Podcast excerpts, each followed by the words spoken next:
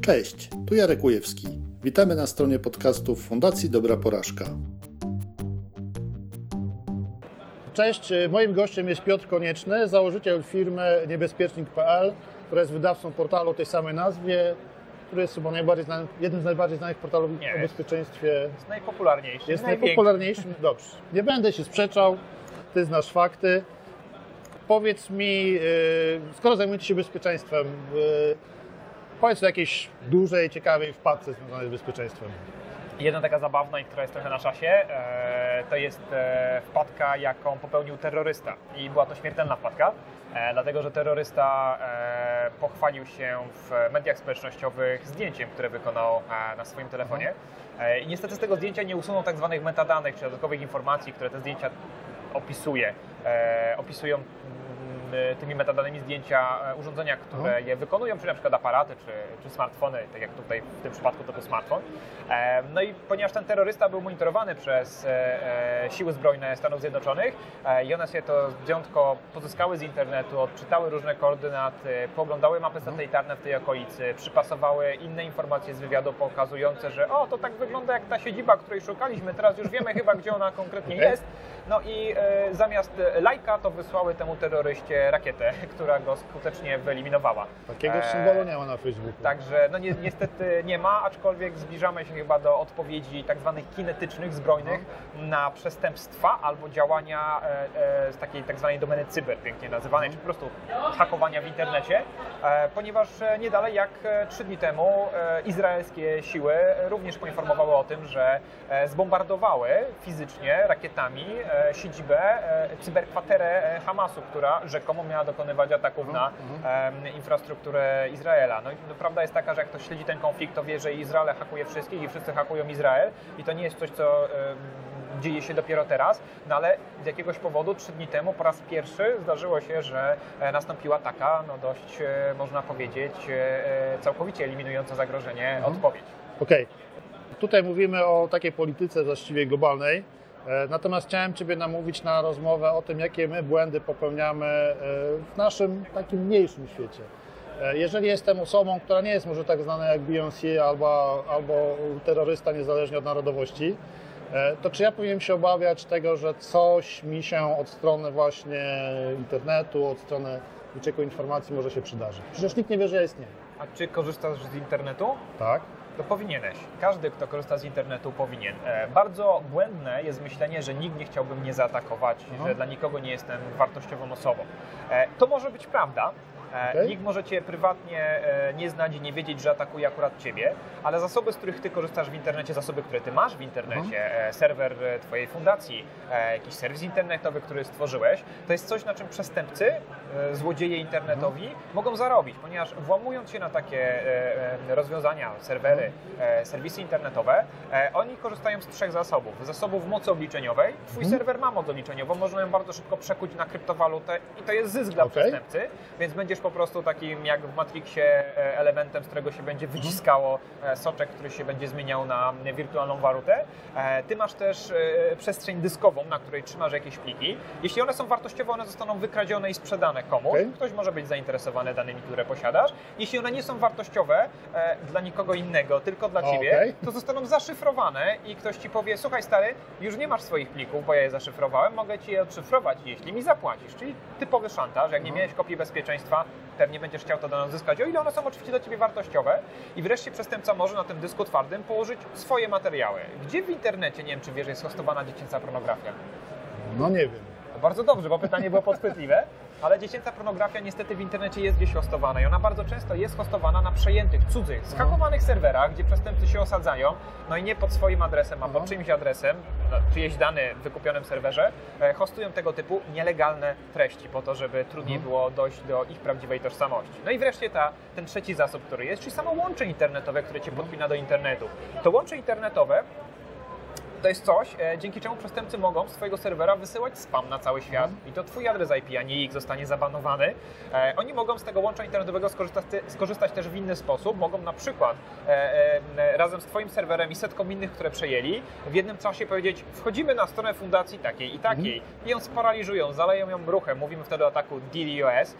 Czyli jak widzisz, są, e, jest, jest wiele rzeczy, gdzie Twój mały światek dla Ciebie z Twojego punktu widzenia nieistotny dla nikogo i dla przestępcy też nieistotny, może jednak zostać, być może zostać wykorzystany do tego, żeby na nim w jakiś sposób zarobić, czy e, no, on stanowi wartość po prostu dla przestępców. Da się to, jak my mówimy, zmonetyzować.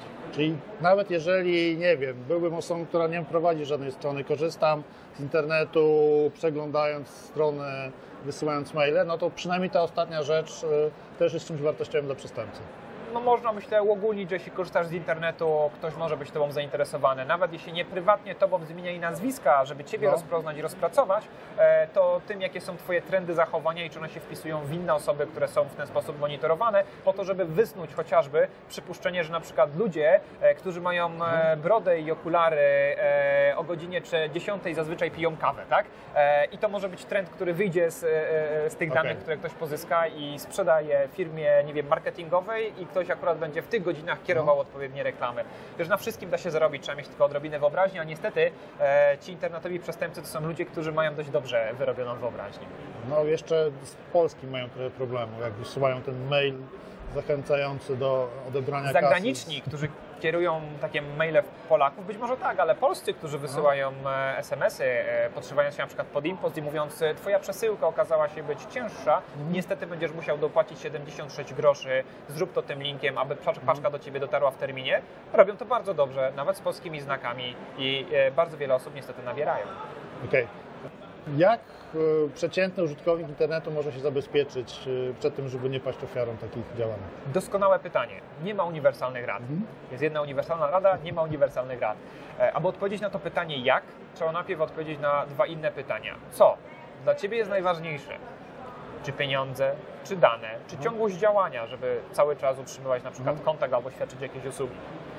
I drugie pytanie, przed kim chciałbyś to chronić? Kto potencjalnie może Cię zaatakować? Jak będziemy mieli odpowiedź na pytanie, co dla Ciebie jest najważniejsze i kto może chcieć to zdobyć, to wtedy i tylko wtedy możemy Ci odpowiedzieć wiarygodnie, jak możesz się chronić przed tym zagrożeniem dla tych zasobów, które dla Ciebie są najważniejsze. Do czego dążę? Dążę do tego, że usługa, e, usługi związane z bezpieczeństwem i porady, one muszą być dopasowane. Jak one nie są dopasowane, to jak wszystko są dla nikogo. Okej, ale E. jeżeli jestem, mówię, osobą, która przegląda strony internetowe, wysyła maile, nic więcej nie robię. Czy jest tutaj jakaś y, podstawa, którą powinienem zachować, żeby starać się zabezpieczyć Coś, czego wszyscy e, z reguły jesteśmy winni, to jest korzystanie z tego samego hasła do więcej niż jednego serwisu. Mhm. Czyli ludzie lubią sobie upraszczać życie, mają jedno ulubione hasło, kwiatuszek 7 i korzystają z tego hasła do poczty, e, do serwisu aukcyjnego, do Facebooka. Tak? E, trzeba zwrócić uwagę na to, że jeśli to hasło wycieknie z jednego z serwisów, na których mamy je ustawione, na którym mamy konto, to przestępca je pozna. Mhm. Zobaczy nasz adres e-mail i sprawdzi, czy na ten adres e-mail jest konto na Facebooku, konto na Allegro, konto na Netflixie, konto na Uberze i jakie hasło, jak myślisz, w pierwszej kolejności sprawdzi. No to, które już pozyskał w Twoim kontekście. Jak kwiatuszek 7 tam nie będzie pasował, to on jest na tyle inteligentny, że sprawdzi kwiatuszek 8 i kwiatuszek 6 albo kwiatuszek 2019. E, I to są właśnie e, rzeczy, na które musimy zwrócić uwagę, czyli e, jeśli mamy konta w różnych usługach, musimy je odseparować różnymi hasłami. Ciężko jest bardzo zapamiętać 50, 60, 70 różnych haseł, a już nie daj Boże nie powinniśmy ich chronić, e, nie, nie powinniśmy je, e, tych haseł układać z jakiegoś wzorca typu moje tajne hasło do Gmaila, bo jak atakujący zobaczy moje tajne hasło do Gmaila, moje tajne hasło do Allegro, to on się domyśli, jakie jest Twoje tajne hasło do Ubera. Okej. E, więc te hasła powinny być różne. Ludzie nie są dobrzy w pamiętaniu różnych rzeczy, które być może rzadko używają. Dlatego dobra rada to jest korzystać z menadżera haseł. Brzmi być może strasznie, ale to jest tak naprawdę każda przeglądarka, która prosi nas o to, czy zapamiętać to hasło?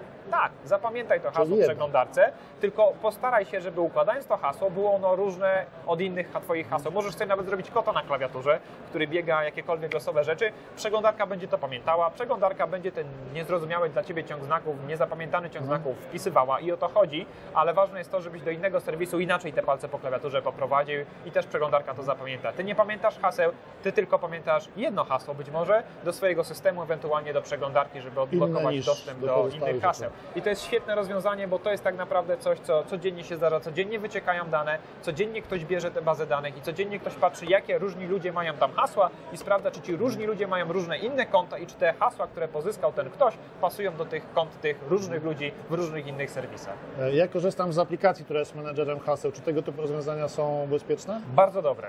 Niezależnie od tego, jaka to jest aplikacja, to jest lepiej Nie niż będę robił reklamy. lepiej niż żadna aplikacja do zapamiętywania haseł. Ale tak jak mówię, jak, nawet jak ktoś nie chce instalować dodatkowego oprogramowania, niech skorzysta z menadżera haseł w przeglądarce albo w swoim systemie operacyjnym. E, W iPhone'ie na przykład jest ten pęk kluczy, który pyta się, czy zapamiętać to hasło. Przechowujmy te hasła tam, to jest ok. Znaczy to, co powiedziałeś, żeby przechowywać te hasła w przeglądarce, trochę mi zaskoczyło, bo myślałem, że to może nie jest do końca bezpieczne A dużo osób tak myśli, ale czy ty się dzielisz dzisiaj, w roku 2019, e, swoim komputerem z kimś innym? Poza e, rodziną, taką najbliższą w domu, nie. Ufasz im. Tak. no to okej. Ale dawniej na przykład to rzeczywiście mogło być zagrożenie, bo jak zapamiętowałeś te hasła na przeglądarce, to można było do nich dotrzeć, jeśli ktoś miał dostęp fizyczny do komputera. E, spoiler, jak ktoś ma dostęp fizyczny do komputera, to masz większy problem niż to, że ktoś pozna twoje hasło do jest generalnie game over.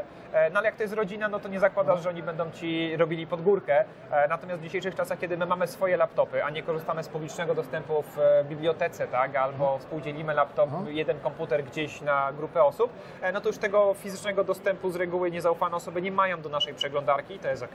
Hasło do logowania się do komputera w domu.